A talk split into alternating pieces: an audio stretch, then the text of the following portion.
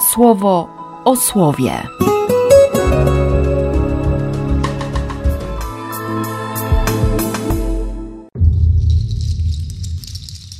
10 września, piątek. Z pierwszego listu do Tymoteusza. Paweł, z ustanowienia Boga, naszego Zbawiciela i Chrystusa Jezusa, naszej nadziei, apostoł Chrystusa Jezusa, do Tymoteusza, prawego syna w wierze. Łaska, miłosierdzie, pokój od Boga Ojca i od Chrystusa Jezusa, Pana naszego. Dziękuję temu, który mnie umocnił, Chrystusowi Jezusowi, Panu naszemu, że uznał mnie za godnego zaufania, wyznaczając do swej służby, choć przedtem byłem bluźniercą, prześladowcą i sprawcą krzywd. Dostąpiłem jednak miłosierdzia, bo czyniłem to nie wierząc, z nieświadomości. Bezgraniczną swą wielkość objawiła łaska Pana naszego wraz z zaufaniem i miłością, które są w Chrystusie Jezusie. z Ewangelii według świętego Łukasza. I opowiedział im przypowieść: Nie może ślepy prowadzić ślepego. Czyż obaj nie wpadną do dołu? Uczeń nie jest ponad nauczycielem. Każdy natomiast, kto się wydoskonali, będzie jak jego nauczyciel.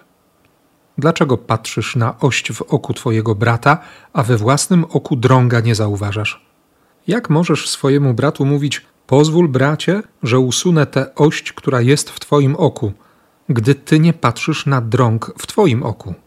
Obłudniku, najpierw wyrzuć ten drąg ze swojego oka i wtedy przejrzysz do tego, by usunąć ość, która jest w oku twojego brata.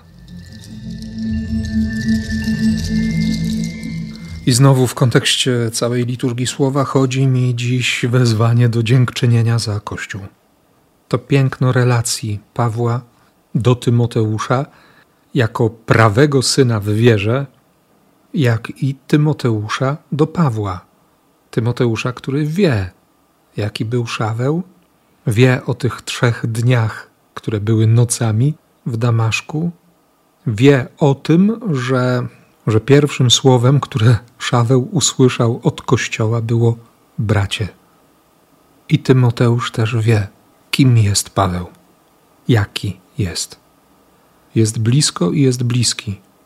I zdaję sobie sprawę z tego, że, że dzięki Kościołowi mogę mieć o wiele więcej sióstr i braci. I że w Kościele doświadczam tego umocnienia. I dziś od rana razem z Pawłem dziękuję za to, że Pan nasz Jezus Chrystus uznał mnie za godnego zaufania i wyznaczył do służby. I że ciągle otrzymuję miłosierdzie, że żyję z łaski i że ta łaska jest bezgranicznie wielka. Tak akurat w piątek, w dzień tego szczególnego doświadczenia miłości i miłosierdzia, trzyma mnie od rana świadomość, że tego wszystkiego doświadczam właśnie we wspólnocie Kościoła, w takiej wspólnocie, w takim Kościele. Nawet kiedy się wstydzę za braci, nawet kiedy sam jestem powodem wstydu moich sióstr i braci.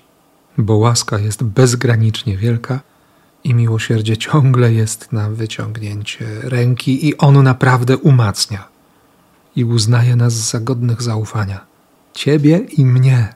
On mówi o nas, że jesteśmy godni zaufania i robi to, pokazuje to, bo jesteś córką, jesteś synem, bo jesteś.